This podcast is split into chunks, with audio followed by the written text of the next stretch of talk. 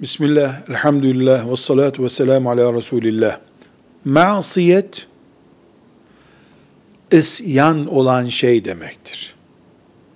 Yani kul, Allahu Teala'nın yasak ettiği bir şeyi yaptığında, masiyet içinde olur. Yani Allah'a isyan olan bir iş olur.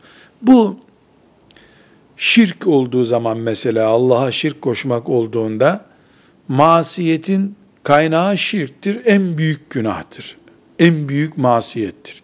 Büyük günahlardan biri olduğunda mesela faiz yediğinde, zina yaptığında, kumar oynadığında veya hırsızlık yaptığında gibi büyük günahlardan anneye babaya asi olduğunda büyük günah işlemekten dolayı büyük bir masiyet içerisinde olmuş olur.